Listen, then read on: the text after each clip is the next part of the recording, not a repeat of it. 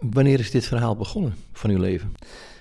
Begonnen. Ik denk dat het belangrijk is dat ik een goede thuis heb gehad. Ik heb een, een vader en een moeder gehad uit de duizend, denk ik. Vind ik nu, dat vindt waarschijnlijk iedereen, maar hoe ouder ik word, hoe, hoe, beter ik dat besef. Dat ik eh, heerlijke ouders heb gehad. Mensen die elkaar heel graag zagen, die ook gelovig waren. Eh, je kunt dat moeilijk eh, inschatten en beoordelen. Maar ik denk dat vooral mijn vader een, een zeer diep uh, gelovig man was.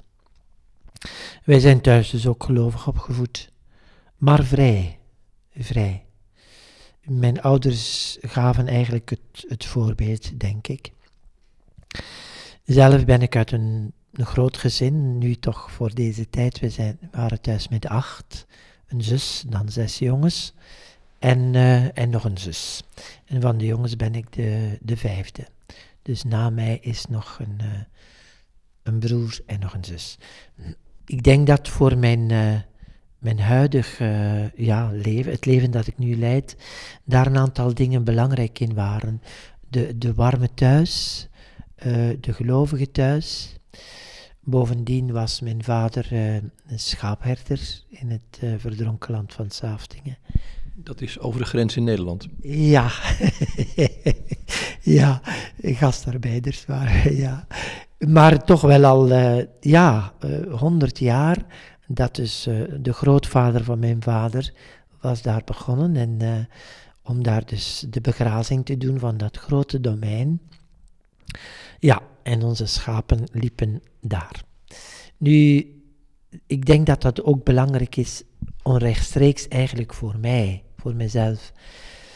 Ik zou niet kunnen leven in de stad. Door mijn jeugd ben ik eigenlijk een beetje ja, gevormd, of misvormd, zoals u wilt, uh, gevormd, als iemand die, die in de natuur, in de ruimte leeft. Dat is een geweldig domein van 3500 hectare groot, met water en lucht en in de zomer ach, een aardsparadijs. Hè? Dus je draagt dat een beetje mee denk ik. Als ik voor zo'n abdij kies, zoals ik nu uh, in Tongerlo uh, woon, leef en werk, ja, dat, dat heeft ook die ruimte.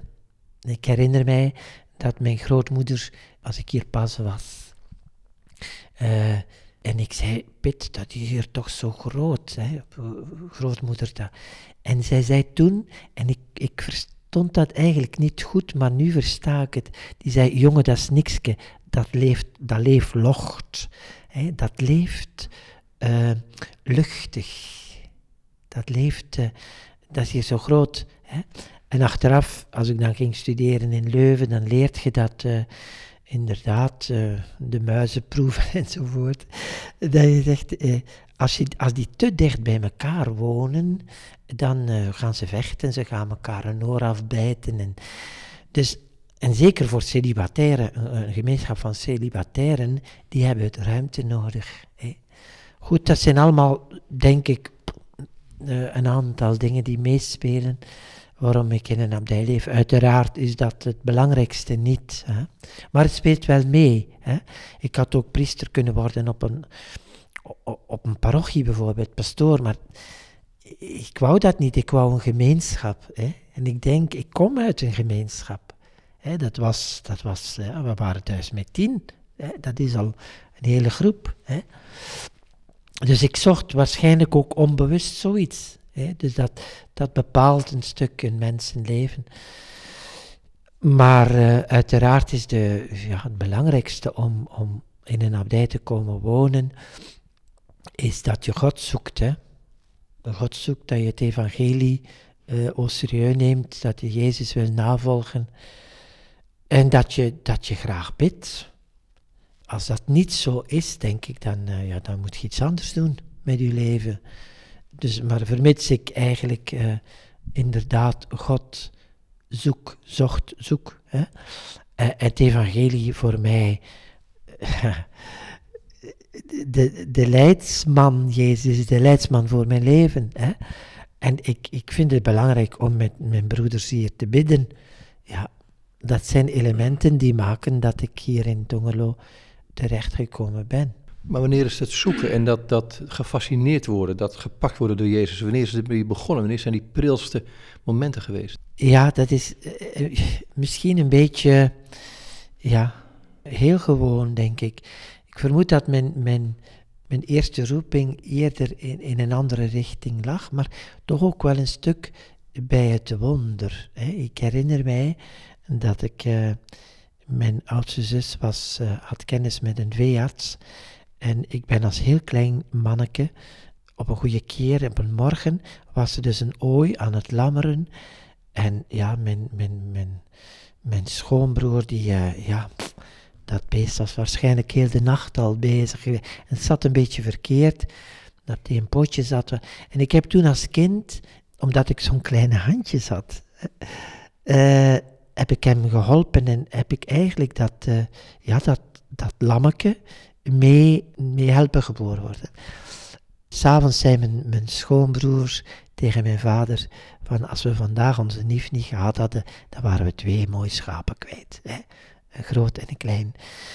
Dat was natuurlijk een, een enorme bevestiging. Hè? Als, uh, ik voelde me geweldig groeien. Hè?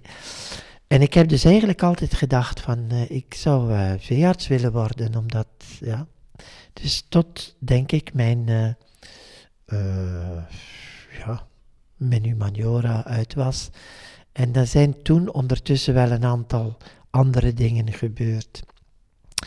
Uh, mijn tweede oudste broer was uh, ontwikkelingshelper in, in Congo. Die werkte voor de Norbertijnen van, van Postel. Die hadden daar een, een missiepost. En hij, in plaats van zijn legerdienst te doen, dat kon toen, uh, en hij wou geen legerdienst doen, is hij drie jaar daar gaan uh, lesgeven. Zodoende hadden wij contact met, uh, met de abdij van, van Postel. En ben ik eigenlijk ook in contact gekomen met deze manier van leven. Hè? Een eenvoudige manier van leven. Van, ja, Postel is ook een, een, boeren, een boerenabdij, dat ligt daar ik ging daar ook altijd graag mee naartoe. Hè. En op een bepaald moment, om een lang verhaal kort te maken, werd ik gedwongen om, om, om te kiezen. Oftewel ging ik uh, een weekendje met, met vrienden en, en zo um, naar de Schorren. Ik had dat gepland en dat trok me eigenlijk geweldig aan. Het is een natuurgebied. De Schorren, ja, dat is het, uh, het verdronken land van Saftingen. Dat noemen ze bij ons in de streek uh, de Schorren. Maar wij hadden dus een, een, een, uitnodiging gekregen om met heel de familie naar Postel te gaan. En mijn moeder was daar heel blij mee. En uh, ja, ik moest dat afblazen. Ze zegt, je kunt doen wat je wilt, maar je gaat met ons, met heel de familie mee naar de abdij. En onderweg dacht ik van, ja, ik zou eigenlijk uh, kwaad moeten zijn, want ik had dat zo mooi gepland en zo. En dat viel door, ja, door de beslissing van mijn moeder in het water. En het, en het was toch ook een beetje uw grote liefde, dat, dat verdronken land? Ja, absoluut. Absoluut, ja. Ik, uh, ja, ik kom er nu niet meer, omdat ja, dat is een bladzijde die omgedraaid is. Maar mijn jeugd ligt daar en, en van heel, onze, heel ons gezin. Hè, wij hebben daar eigenlijk... Uh, ja, heel veel tijd, heel veel hart ingestoken. Ja, dat mag ik toch wel zeggen. Maar goed, ik kwam dus in, in, in de abdij van Postel waar we regelmatig kwamen. Hè, omdat als er een missionaris op vakantie kwam, dan had hij brieven mee van mijn broer. En wij gaven dan brieven mee. En, en van ja, zo. Dus het contact was daar. En ik herinner mij, ze hadden toen, ik spreek van de jaren 68, een, een hele nieuwe melkstal. Hè, en dat boeide mij dus, hè, omdat het dus ook in de lijn lag van mijn eerste droom, laat maar zeggen. Dan deden op een bepaald moment die broeders die, die overal uit en dan trokken die dus een, een, een habit aan en die gingen dan bidden en ik ging dan mee en ik vond dat iets, uh, ja, iets bijzonder. Zo, ik dacht, dat is toch wel mooi, maar niet direct zo van uh, het is voor mij, het is iets voor mij. Ik, had dat, ik vond het mooi, maar niet direct voor mij. Tot dus op die bewuste eh, dag, dat we dus met z'n allen naar, naar de abdij gingen. En uh, die idee opkwam van, misschien is het leven wel iets voor u. Hè? Zo een, een leven van, van, van gebed, uh, een eenvoudig leven, gegeven aan, aan, God en aan Jezus. En, maar die idee kwam op en ik heb die eigenlijk uh, een hele tijd lang verdrongen. Dat ik dacht, nee, ik had ondertussen mijn, mijn hoofd op wat anders gezet. En, uh, goed, ondertussen verliep de tijd en uh, kwam mijn moeder met de vraag van, hoe is dat nu eigenlijk met u? Zijde jij nu al ingeschreven aan de universiteit? En ik was dus niet ingeschreven. Zeg, maar jongen toch, zelfs, zelfs zijt je te laat voor het academisch jaar.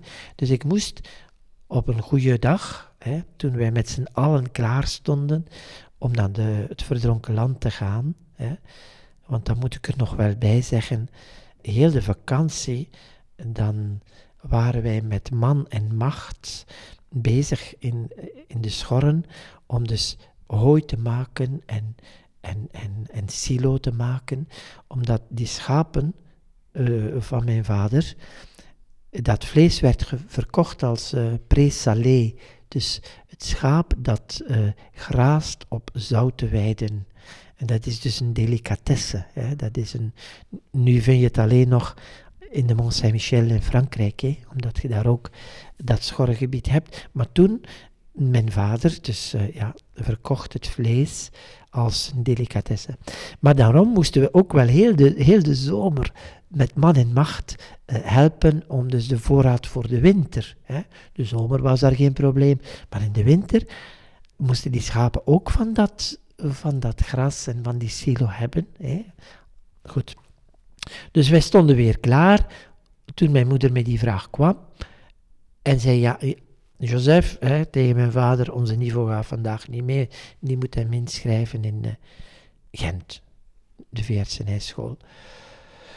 Ja, dus ik moest met de bus naar Sint-Niklaas en dan de trein nemen. En toen ik, ondertussen zat ik dus met die idee van, zal ik het wel doen of zal ik het niet doen? Ik had dus altijd al die jaren ervoor die idee gehad van, ik ga daaraan beginnen aan die studie en ik ga dat kunnen. Ik ga dat graag doen. Dat, dat wordt mijn leven. En ik was dat eigenlijk door, door die, dat, dat weekendbezoek daar, waar ik eigenlijk gedwongen werd om mee te gaan naar de abdij, was die vraag altijd maar teruggekomen van, zou je toch niet naar de abdij gaan? Hè? Pater worden. Ik denk, pater en boer, water en veearts. En ik wou dat dus eigenlijk niet. Ik zeg nee, nee. Maar dat, ik, en ik durf daar bovendien, daar moet ik nog bij zeggen, uh, de tijdsgeest maakte toen ook dat je daar eigenlijk, uh, ik durf daar niet over spreken. Ik dacht, ze zullen zeggen, jongen, begint daar toch niet aan, op deze tijd, zo van, uh, iedereen gaat uit de kloosters weg en, en jij gaat erin. Allee, dat was dus ook de periode van veel uittredingen en zo. Dus dat was ook de reden waarom ik daar niet over gesproken had. Maar onderweg, op weg naar Sint-Niklaas, dacht ik, uh, ik moet daar toch eens met iemand over spreken. En ik was leerling op een college daar, waar ook priesters waren. En uh, ja, er was een priester die ik zeer, zeer hoog schatte, uh, meneer Evraar, die ondertussen al gestorven is, maar een, een, een, ja, ik denk een man naar het hart van, van Jezus, hè. Uh, die tegelijkertijd een, een oprechte, vrome, uh, gelovige man was. Uh, ook een, een, goede leraar trouwens, maar die ook al zijn vrije tijd gaf aan inzet voor arme mensen, die zelf ook heel eenvoudig leefde. Eh. Ik herinner mij die zijn, het is een kleinigheidje, maar, maar voor mij was het belangrijk. Zijn boekenkast, dat waren appelsienkratten en, en, en zo, ja. Hij had waarschijnlijk zijn, zijn bibliotheek weggedaan of weggegeven, maar zo'n een pure man. Een man die leefde voor, uh, ja, voor zijn gegeven zijn aan Jezus, hè, een echte priester. Nu, ik kom daar aan en die was juist uh, zinnes van met vakantie te gaan. En uh, ik heb mijn moed bijeengeraapt en ik heb gezegd, meneer Evraar, ik, ik moet u eigenlijk eens uh, spreken. En die stond klaar met zijn valies. Hij zegt, is het dringend? Ik zeg, ja, eigenlijk wel. Heb ik hem dat gezegd, wat ik nu aan u zeg, van ik zit een beetje op de wip. Zou ik nu in een klooster gaan of niet? En die zijn antwoord, dat was, ja, dat vergeet je natuurlijk niet. Die zei: Als het zo is dat dat u niet loslaat, dan is het misschien dat onze lieve Heer u roept voor, ze, voor werk in de wijngaard. Hè. En ik moet zeggen, ik, tot dan toe was dat voor mij zelfs niet, niet doorgedrongen dat het roeping hè, zo, zou kunnen zijn. Het was voor mij zo eerder een ja, daar viel dus een zware wrang. En ik, uh, ik ben buiten gegaan. Hij zei, kijk van, ik zou dat, ik zou dat doen. Ik zou daarop ingaan. En als het is dat onze lieve Heer u roept, dan zult je dat wel voelen. Als je daar gelukkig zijt, hè, de grondtoon, uh, dan, is dat, dan is dat uw weg wellicht waarop hij u roept. En als dat niet zo zou zijn, is het toch geen ramp? Dan kun je nog altijd, als je je proeftijd daar doet en je denkt, het is toch niks voor mij, dan kom je terug, kun je nog gaan studeren, is toch geen probleem. En ik kwam dus buiten en ik dacht, ja, dat is het. Dat is het. En ik ben dan, uh, toen stond het voor mij vast dat ik dacht, ik ga inderdaad dat leven van religieus en van priester van dienst voor onze lieve Heer uh, leven, proberen. Uh, ja, dat is een lang verhaal. ik moest dus terug naar huis gaan en dat uh, in plaats van naar Gent. Ik was dus vroeger thuis dan voorzien. Tot verbazing van mijn moeder. En ja, ik heb haar dus gezegd van ja, Moeken, ik zou, ik zou eigenlijk graag naar de abdij gaan om daar priester te worden. Ik, ook nog missionaris. Ik wou ook graag missionaris worden. Maar dat kon dus hier ook. Ik dacht, dat is een, dit leven van, van de Norbertijnen is uh, voor mij een, ja, eigenlijk toch wel een beetje op, op, op de maat uh, gesneden. En toen ik dat zei aan mijn moeder, heeft mijn moeder alleen maar gezegd: God, jongen, toch. Voor de rest heeft ze niets gezegd. Uh, ik denk, we zijn heel de dag stil. Iedereen was dus weg. Samen geweest en gewerkt. En, uh, en s'avonds natuurlijk moest ik dan, uh, ja. Als mijn vader terugkwam, dan zei onze moeder van... Joseph, vanavond moeten we toch eens een serieuze babbel hebben met onze niveau. Want, ja. Oké, en dat, dat was dan zo. Ik uh, heb dat dan ook aan mijn vader gevraagd. Uh, want ik was tenslotte maar 18 jaar, ik was jong hè. En dus uh, moest dan ook nog toelating vragen. De volwassen leeftijd toen was 21, dus ik moest zonder vader zou het toch niet gegaan zijn. En tot mijn, ja, mijn vader was ook stil. En ik dacht, hij zal. maar hij zei, en dat weet ik nog heel goed jongen, al onze kinderen hebben met hun leven mogen doen wat ze dachten dat ze moesten doen. En als je denkt dat je dit moet doen, als je er goed over nagedacht hebt, dan moet je dat doen. Hey, tevoren had hij nog gevraagd van, heeft u dat iemand, ja, wie heeft u dat opgestookt of wie zit daarachter of zo.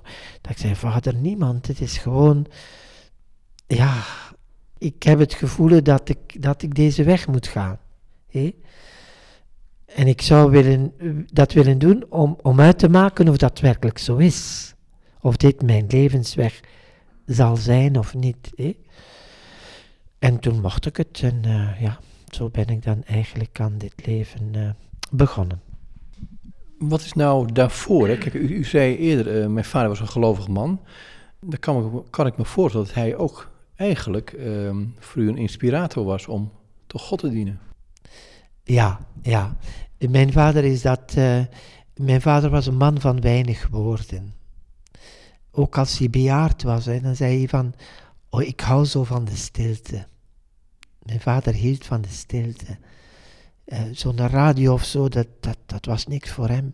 Zo op de schorren hebben die schapen alleen maar het ruisen van de wind en van het water. En het kressen van de meeuwen en de vogels. En het, ruisen van het riet. Ja, dat was. Dus mijn vader was eigenlijk. Uh, en ik denk dat ik dat ook van hem wel wat heb. Een, een, een man van de natuur, hè, die in de stilte leefde. Ik heb ooit uh, op een ogenblik dat, uh, ja, dan moet je de, het verdronken land van Saftingen een beetje kennen. Dat komt dus uh, als het getijde, als het hoogwater is, en vloed is daar.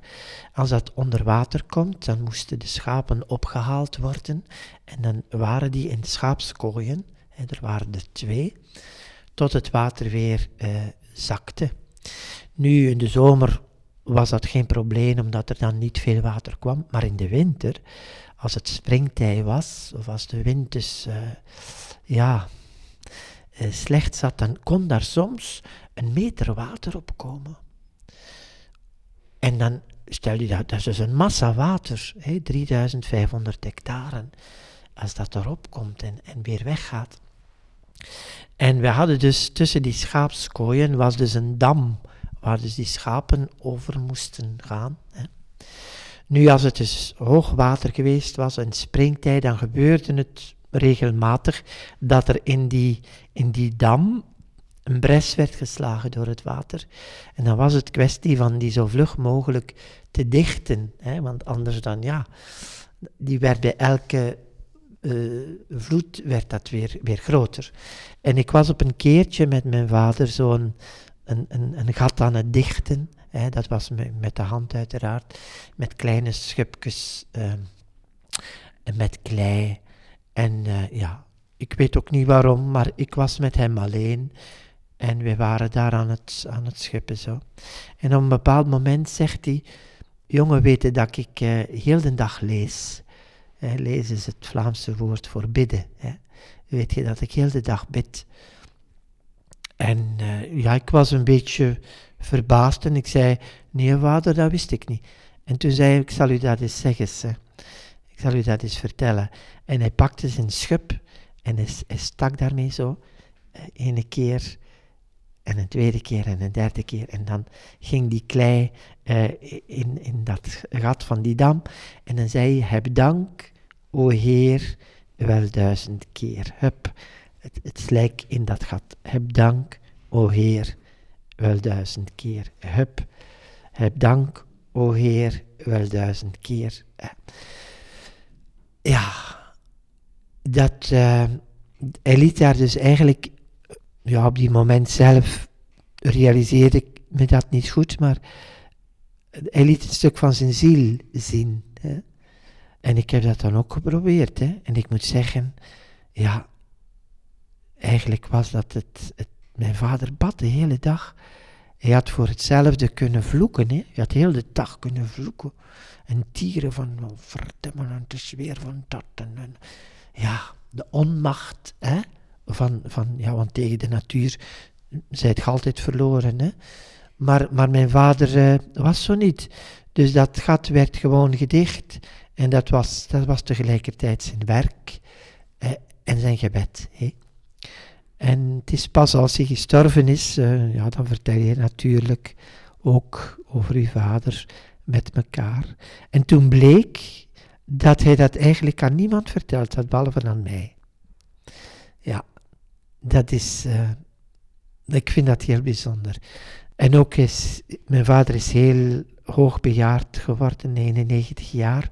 En eigenlijk gestorven van, ja, van ouderdom. Gewoon, mijn vader was op de mensen die hem bezochten de laatste maanden, die zeiden, en dat was zo bijna een, ja, ik zou zeggen een refreintje van die mensen. Zeg, uw vader, dat is toch een dankbare mens. Zo. En toen dacht ik, ja, inderdaad, mijn vader was een dankbare. Hij zou altijd gezegd hebben, dank u wel, hè. dat je bedankt zit, jong. Dank u. Hè? En, en dat was geen pose, dat was iets wat echt ook uit zijn hart kwam. Hm? Maar dan denk ik, ja, als je heel de dag op het ritme van, van uw adem eigenlijk hè, God dankt, ja, dan ben je een dankbaar mens. Dat kan toch niet anders? Hè? Eigenlijk wist het niemand behalve ik. Hè?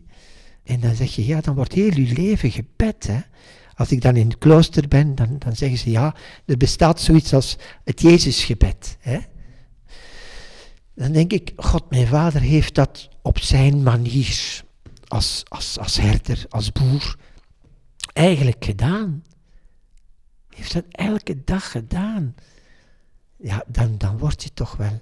Dan denk ik, als je uit zo'n uh, nest komt, laat ik maar zeggen, hè, dan, dan, ja, waar uw vader met God zo verbonden leeft. Hè, uh, en in, op die achtergrond werden ook een heleboel gezegdes van hem uh, voor mij nadien. Het spijtig dat je dat altijd maar nadien uh, beseft. Duidelijk. Bijvoorbeeld, hij had nogal wat met, met, met vader Katz, een vader. En een, een van zijn spreuken was van, om de wereldlijke baat is men doende vroeg en laat. Maar voor een geestelijk profijt is één uur te lange tijd. Dus dat was een van zijn spreuken. Hè. Dus mijn vader maakte ook altijd tijd, ook bijvoorbeeld zondags. Hè. We, zijn, we zijn een katholieke, waren een katholieke familie. Wij gingen altijd naar de mis. Dat, dat was gewoon, uh, dat hoorde bij de zondag. En dat was zo, ja, één uur te lange tijd. Als wij dan wel eens zeiden van, moeten wij weer al? Dan kwam mijn vader en die zei dan, jongen toch, om de wereldlijke baat. Hè. Maar voor een geestelijk profijt. Ja, zo. Wel, dat zijn zo uh, spreuken die, denk ik, onbewust op zijn, op zijn lijf stonden geschreven. Hè. Ja, en dat u tekent. Hè. Ik denk dat dat, dat is, ik denk dat dat de sfeer is die je inademt en waar je eigenlijk pas achteraf van bewust wordt. Hè. Uh, mijn broers en mijn zusters ook. Hè. Als we over onze ouders spreken, dan, dan, ja, dan voel je dat. Die, komt dat terug. Die grote uh, dankbaarheid jegens hen en ook jegens onze lieve Heer. Hè. Elke maand, de negende, doe ik de mis voor mijn, mijn ouders. Waar mijn broers en mijn zussen die komen. Zie je, dat is toch tof, hè? Ja. Wat is het moment bij u geweest die zegt van oké, dit, dit was het geloof van mijn ouders, ja. nu is het ook mijn geloof? Ja, ik heb zoal de, de aanleiding gegeven, denk ik, hè, die eigenlijk vrij vaag was. Dat was vrij vaag. Hè. En ik denk dat doorheen de tijd uh, het voor mij duidelijker geworden is. Hè. Het feit dat ik inderdaad een, een godgewijd leven wilde leven. Wat, wat uw vader ook deed? Ja, eigenlijk wel. Ja. Mijn vader op zijn manier en mijn broers en mijn zussen ook. Ze zijn allemaal getrouwd. Ik ben uh, het, het, zwart schaap, als je wilt, in de familie. Hè. Ik ben de enige. Maar uh, ja, dit is, mijn vader vond dat. Uh, eigenlijk was hij daar toch wel fier over hè, en blij. Maar mm, ik ben eraan begonnen en ik heb al gezegd van. Uh, het, was, het was een heel moeilijke tijd. Hè. 68 was, het was eigenlijk 67 als ik binnengekomen ben. Uh, in augustus 67. En dan in 68, dan, dan ging, barstte de hel los, laten we zeggen. En dat was juist het jaar dat wij ook naar, uh, ja, dan was mijn jaar noviciaat achter de rug. Dat wil zeggen, dat eerste jaar leefden wij echt het, het kloosterleven binnen. Al waren er ook een aantal lessen over, over het evangelie, over de schrift, over de psalmen, over, over de religieuze geloften en al die dingen, zo typische cursussen. Maar na dat noviciaatsjaar moesten wij gaan studeren. En uh, dat was dus 68. Hè. Nu, omdat ik zo jong was, ik was, uh, zoals ik zei, afgestudeerd van de humaniora, hè, dus van de, hoe noemen ze dat in Nederland, van de, uh, ja... Middelbare school? Middelbare school, hè. Uh, kwam ik hier en de, de verantwoordelijke, die vond dus eigenlijk dat ik te jong was. En die zegt van, jij moet, als je naar Leuven gaat, moet jij op kot gaan wonen. De studenten en werkt maar wat voor uw kost. Nu, ik was toen uh, zeer kwaad. Eigenlijk, ik dacht, ik kom nu naar hier en ik, ik moet dan filosofie gaan studeren en ik mocht niet wonen samen met onze, mijn medebroeders, die woonden toen in de abdij van het park, maar ik woonde op kot, ik woonde alleen. Ik mocht alleen met de weekends en dan ging iedereen vanuit Leuven, kwamen wij naar huis, naar, naar Tongelo, naar de abdij. En dan kwam ik mee, maar in de week woonde en werkte ik alleen. Eigenlijk een beetje de bedoeling was van, weet hij wel wat hij wil? Weet hij wel wat hij wil, is nog zo jong. Nu, dat heeft voor mij, denk ik, achteraf gezien, averechts effect gehad. Ik had zoiets van, als ze nu denken dat, ze, dat ik niet weet wat ik wil, dan zal ik het eens bewijzen. Ja. En ik ben dus daar gaan wonen. Ik, ben, ik werkte twee uur per dag voor een binnenhuisarchitect en verdiende daar net genoeg voor om mijn, mijn kot te betalen en om te leven. En eigenlijk ook om mijn roeping uh, uit te zuiveren. En daardoor, omdat ik daar mijn gebedsleven eigenlijk persoonlijk moest verzorgen.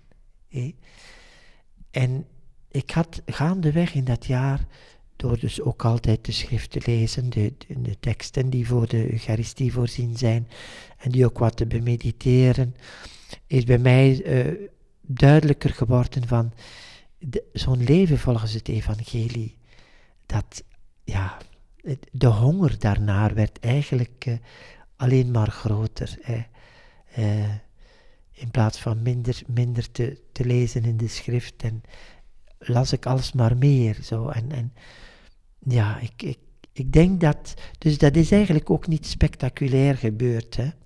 Ik denk dat ik pas vele jaren nadien. Vele jaren nadien.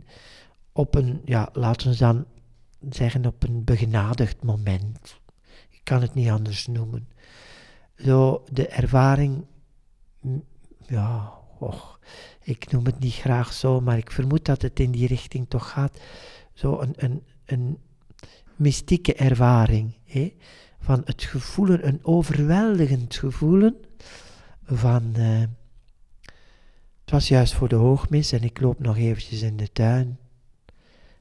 En plots had ik zo het gevoel van Ivo, jij bent de gelukkigste mens van heel de wereld.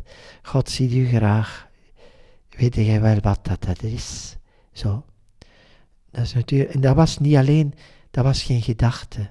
Dat was een, ja, een ervaring. Hè? Een, een, een, diep bewustworden van, van God bemint mij. Ik ben in zijn ogen zijn geliefd kind. Weet jij wel wat dat, dat is? Ik wist dat met mijn, met mijn hersenen. Hè? Maar dat zakte zo plots tot in het toppetje van mijn tenen. Zo. Allee, ik vermoed dat, allee, ik weet dat er nog medebroeders zijn die, die analoge dingen hebben gemaakt, zonder daar veel tralala rond te verkopen. Hè. Maar, maar zo, ja, ik vermoed dat mijn roeping daar, ja, bevestigd is. Ik kan het niet anders noemen. Zodat dat groeiproces, wat jaren bezig was, vanuit een gelovige thuis, vanuit, ja, een toeleg op, op het bidden, hè, een groeiende toeleg, ook een groeiende liefde voor, voor Jezus. Ja, en dat dat dan op een bepaald moment zo is heel eventjes, ja, bevestigd, ik noem het dan maar bevestigd wordt. Hè. Uh, want er zijn ook wel veel donkere dagen geweest, maar het is juist in die donkere dagen en dat dat moment mij zo hartverwarmend blijft. Hè. En ik kan dat moeilijk onder woorden brengen en ik wil daar ook niet meer over vertellen dan nodig. Ik kan er eigenlijk niet veel over zeggen. Het was een, een, een diepe, uh, bewustwording zo. Als u dan merkt hoe waardevol u voor God bent op zo'n moment, wat verandert daarna in uw hele gebedsleven, in uw hele leven met Hem? Ja, ik denk dat dat, ja, het, de, de gevolgen daarvan zijn, denk ik, als ik daarover nadenk, God ziet niet alleen mij graag. Hè? Eh, dat weet ik, dat voel ik, dat, daar ben ik van overtuigd. Heel diep, wat er ook gebeurt. Maar dat heeft als consequentie, dat is niet alleen voor mij, dat is ook voor u. Hè? Wij zijn tempels van de Heilige Geest geworden. God woont in mij, maar hij woont niet alleen in mij, hij woont in ieder mens. In ieder mens wil hij uh, ontmoet worden, gevonden worden, bevestigd worden, geliefd worden. In iedere mens. Hè? Dus voor mij is dat, ja, is dat de grond van mijn bestaan. Hè? Dat je zegt, en achteraf, och ja, je, je leert wat, je studeert, je hebt medebroeders die je omgeven, die je ook wel eens vertellen over hun leven en over hun geloof en zo. En, en, en dat bevestigt u. Hè? Dat je zegt, uiteindelijk, ik ben zo blij dat de eerste encycliek van onze paus was Deus caritas est. God is liefde. Dat is de kern van de zaak. Hè? Als je dit wegpakt uit ons, uit ons christelijk geloof, dan, dan, dan, dan, dan, valt alles, dan valt alles in elkaar. Dat is mijn diepe overtuiging. Is het nou dat God in elk mens woont of graag in elk mens wil wonen? Want ik moet denken aan die tekst in Johannes 14, hè, dat je zegt van als je van mij houdt, dan zullen bij je of in je komen wonen. Ja, uiteraard. Hè. Ik, ik denk dat het, uh, maar dat hij in ieder mens woont, dat is mijn overtuiging, hè, dat is mijn geloof, zoals u zegt in, uh, bij Johannes. Maar je kunt dat niet altijd uh, zeggen. Ik heb bijvoorbeeld iemand, uh, ik ben ook lange tijd hier uh, in de abdij Gastenpater geweest, een jonge man die, ja, altijd maar zegt van, ik, en ik geloof niet hoor, ik ben ongelovig. Ik, ben, ik geloof niet. Ik zeg, ja, dat is goed, Michel, dat is u, goed recht, hè. Dat is uw goed recht. Maar ik kom daar altijd meer op terug. Ik kom daar als er iemand is die, die wil spreken over God en over Jezus Christus en over het evangelie, en die vragen heeft, dan is hij het. Altijd weer. Hè? En dan zeg ik, het laatste zei ik tegen hem, omdat nu met Pasen wordt er een volwassen vrouw gedoopt in de paasnacht. En ik zei hem, ik zeg, uh, wanneer is het uw tour? Wanneer uh, gaat jij gedoopt worden? En hij zei daar weer, ik, ik ben ongelovig. Ik zeg, oké, dan is het nog niet zo ver. zo, maar ik ben ervan overtuigd hè, dat dat... En ik zeg het hem ook. En, en, en niet alleen aan hen. Hè. Ik denk dat we dat veel te weinig aan elkaar zeggen. Hè. Dat God in u woont. Hè. Etty Hillesum zei dat uh, in haar dagboek ook ergens van... Op een bepaald moment zegt ze, God zit in mij, maar in een hele diepe put. Hè. En dat, die, die ligt, daar liggen allemaal stenen op zo. Heel die put is. En nu moet hij eigenlijk, ik moet God opgraven in mij. Ja. Als u dat zo zegt, denk ik aan twee woorden: bekering en wedergeboorte. Wat verstaat u daaronder dan? Goh, bekering. Ja, wat versta ik daaronder? Ik denk op de eerste plaats dat dat een, een ontmoeting is van van God met ons. Hè? Niet, wij kunnen ons eigenlijk maar naar Hem keren, omdat Hij ons pakt. Daar ben ik van overtuigd. Uh, en als Hij ons, als hij ons te pakken heeft, dan is, is het antwoord aan ons. Dan zeg je van, ja, ik, ik wil mij ook tot U keren. Uh, heel vaak denken wij dat dat een menselijke activiteit is, en dat is ze ook. Maar ik denk, uh, Augustinus heeft een, heeft een heel mooi gezegde, uh, zo, die zegt op een bepaald plek in, in zijn beleidenissen, o wondere goedheid van God, ons te willen zoeken. O verheven waardigheid van de mens, zo te worden gezocht. Dat zijn die twee polen. Hè. Het is God die op zoek is naar mij. Hè. En die, die goedheid van God ons te willen zoeken. wij zijn gezocht. En op het moment dat, dit, dat we dat tot ons toelaten, denk ik, dan, dan is de bekering dichtbij. Dan keren we, dan, want dat is een vrije wil. Hè. Ik, ben, ik ben een vrij mens. Hè. Zoals ik zeg, ik wacht op het ogenblik dat, dat die jonge man zal zeggen van ik keer Misschien gebeurt het ook nooit, ik weet het niet. Maar, maar heel diep in mij denk ik, dat gaat eens gebeuren. Wanneer, dat is niet aan mij, dat is aan hem. En aan God. Maar God, zie je? Dus dat is voor mij uh, de bekering. En, en de wedergeboorte is, is, als je wilt, daarvan uh, ja, het gevolg. Hè? Als je zegt van, ik keer me tot God, ja, dan ga je de weg. Hè? Eh, ik ben de weg, de waarheid en het leven. En, en dan, dan, dan groeit het verlangen om, om, om gedoopt te worden. Hè? Word je dan ook niet geboren vanuit God? Dus krijg je dat nieuwe leven van Hem op dat moment ook niet? Ja, ja ik denk ook dat gebeurt op de eerste plaats aan, aan u. Hè? Dat is allee, die, die, die Christine die nu met de, met, met de paasnacht zal gedoopt worden. Eh, ik vind dat zo mooi om dat van dichtbij te mogen meemaken. Dat ze zegt van, ik heb altijd eigenlijk, ze is nu een, een, eind in de twintig, ik denk dat ze 7 of 28 is. Ik heb altijd het gevoel gehad van, van, van God houdt van mij. Maar nu, zegt ze, nu wil ik zeggen, ik hou van u. En ik verlang er zo naar om christen te worden, om gedoopt te worden. En, en, en, en ze kent, ze kent het evangelie en ze kent de schrift. En, ja, maar dat komt van heel diep zo. He, zij is opnieuw, zij wordt opnieuw geboren. Hè. En dat doopsel is, als je wilt, als je het zo kunt zeggen, ehm, ja, het topje van de ijsberg. Hè. Een ijsberg die ligt voor negen tiende onder water. En één tiende steekt erboven. Hè. Wel, dat is, als je wilt, het, het doopsel duidelijk bekennen van u behoor ik toe, u, op u wil ik bouwen. Hè. Maar die negentiende onder water, die ziet geen mens. Gaat ze dan op dat moment, of zij of, of wij of hoe we hier zijn, uh, op het moment dat we door God gevonden worden, ons laten vinden door Hem, als ik het zo mag zeggen, uh, tot Hem keren, zeggen, Heer, hier ben ik. Uh, ga je dan die relatie met Hem aan? Ja, ik denk, ja, dan ga je, eigenlijk ben je er al mee bezig. Hè. Ik denk dat je er al mee bezig bent, maar, maar je bekent het, je, je komt er ook duidelijk voor uit.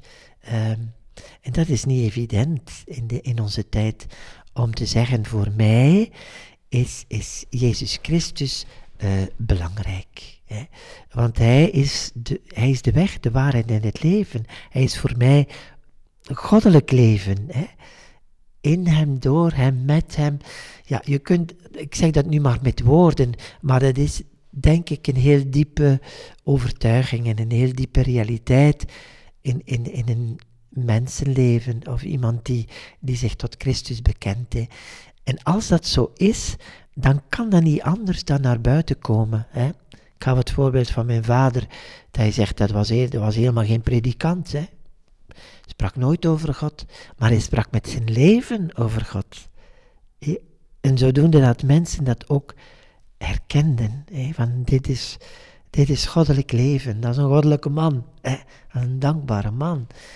Ja, ook mijn, mijn, mijn, neefjes en mijn nichtjes, die allemaal veel van, van, ja, och, van de kerk vervreemden.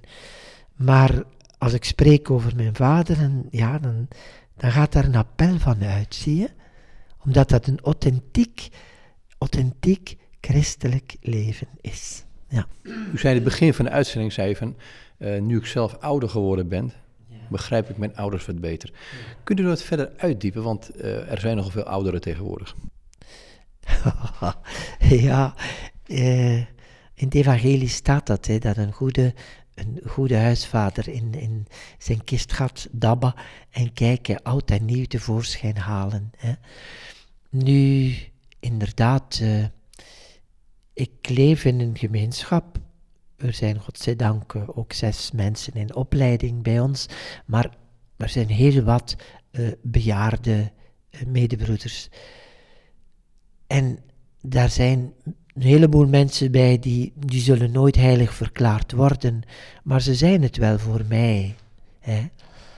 Om maar één te noemen, iemand die missionaris is geweest, eerst in Congo, daar buiten gezet, dan naar Chili.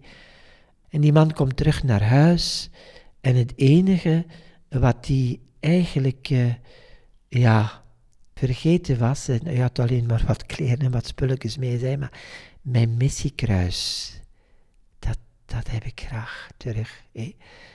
Want dat heb ik gekregen als ik uh, gezonden ben als naar Congo, naar Chili, en dat zou ik graag terug hier hebben. Voor de rest had die man niets.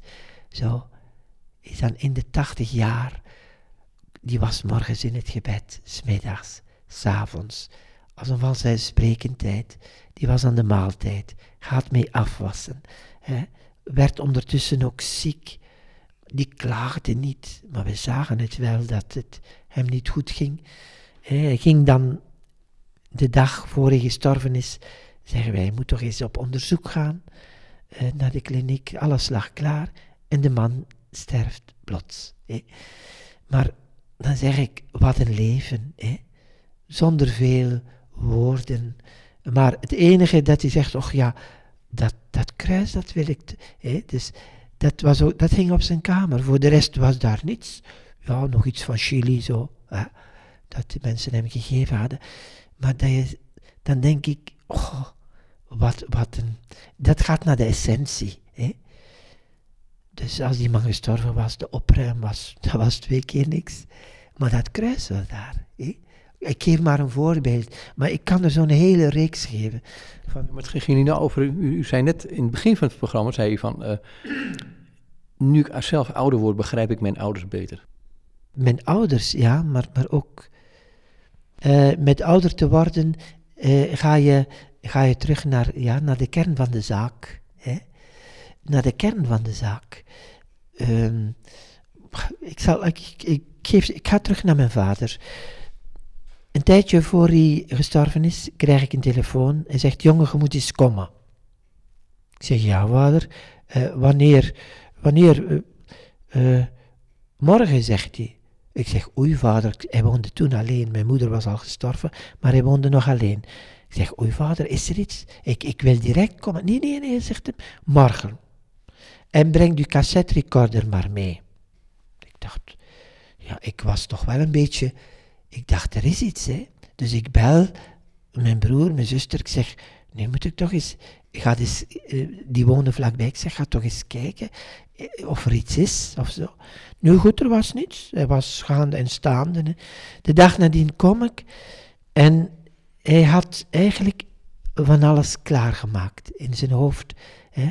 Hij wou zijn kinderen nog wat uh, vertellen. Ja. En ik moest dat opnemen. Ja, sorry. Uh, ja, dus een boodschap voor zijn kinderen. We moesten, ik moest ook mee het, het, het, ja, het geld afhalen van de rekening.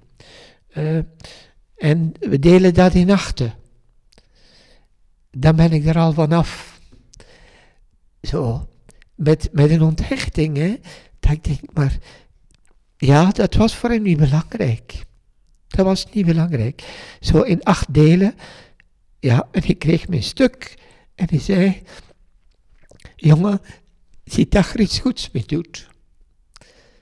Zo, ja. Dus dan zie je, uiteindelijk geld goed. Dat was niet belangrijk. Hè. Wat belangrijk was, was, uh, ja, naar God leven. Naar God gaan. Hij was voorbereid. Hè. Zijn vader was, ja, ook als hij het sacrament van de zieken heeft ontvangen, hè, hij, was, hij werd dus minder en minder. En hij zegt, ja, ik zou dat toch wel willen hebben. Wel, degene die daar, ja, ik zou bijna zeggen troonde. Iedereen was verdrietig. Ja, wij weenden, maar hij niet. Hij niet. Hij zat in die zetel met, met een, een, een sereniteit die, die ik, ja, ja, ongelooflijk. Zo, ik moest toen denken aan, aan, de, aan de aartsvaders, zo. Als er staat van, uh, hij zegende zijn kinderen, hij trok zijn benen in zijn bed en hij stierf. Zo was het. Zo was het. En met, met een evidentie, met een vanzelfsprekendheid, zo van, ja, ik ga, ik ga naar onze lieve neer, zo. En, en dat was, dat was niet droevig, dat was, dat had zelfs iets, iets koninklijk. Ik heb dat vaak ook verteld, dat ik zeg, mijn vader is gestorven als een koning. Ja, als een koning. Met een grote innerlijke uh, sereniteit. en met een, ja, met een dankbaarheid en met een... En dat, dat sloeg ook over op de kinderen. Ja, dat is echt, goh, wat is mijn vader koninklijk gestorven. Hè? Zo, ja, zo'n ding heb ik ook hier in de abdij meegemaakt. Hè? Met mensen die de genade hebben om lang te mogen leven. En ook te voelen van, ja, niet iedereen kan zich voorbereiden op die manier. Hè? Maar ik heb er hier toch een aantal gekend. En de manier waarop mensen dan afscheid nemen van het leven, met zo'n grote dankbaarheid en, en zekerheid eigenlijk, dat God op hen wacht. Hè? Van, uh, mijn bobijntje is op hier, het is, gedaan, maar niet getreurd. Hè? Uh, ja. Proef je dan daadwerkelijk dat Jezus inderdaad de dood heeft overwonnen en hun op staat te wachten? Ja, ja. Ja, inderdaad. Och, uh, men zegt dat niet zo, hè? maar je voelt dat. Hè? Je voelt dat mensen, uh, ja, zeggen van, hij heeft, heel mijn leven heb ik met hem geleefd en door hem, in hem. En nu is mijn aardse huis wordt nu afgebroken, maar het, mijn andere huis is klaar, zo. Ja, met een, ja, om jaloers te zijn. Hé, dan denk ik, goh, zo zou ik ook willen sterven. Ja. Oké, dank u wel. Ja. En tot zover dit gesprek waar ik had met Ivo Kleren van de abdij van Tongerlo. Een prachtige abdij, de moeite waard om eens te bezoeken. Er hangt ook een heuse Da Vinci.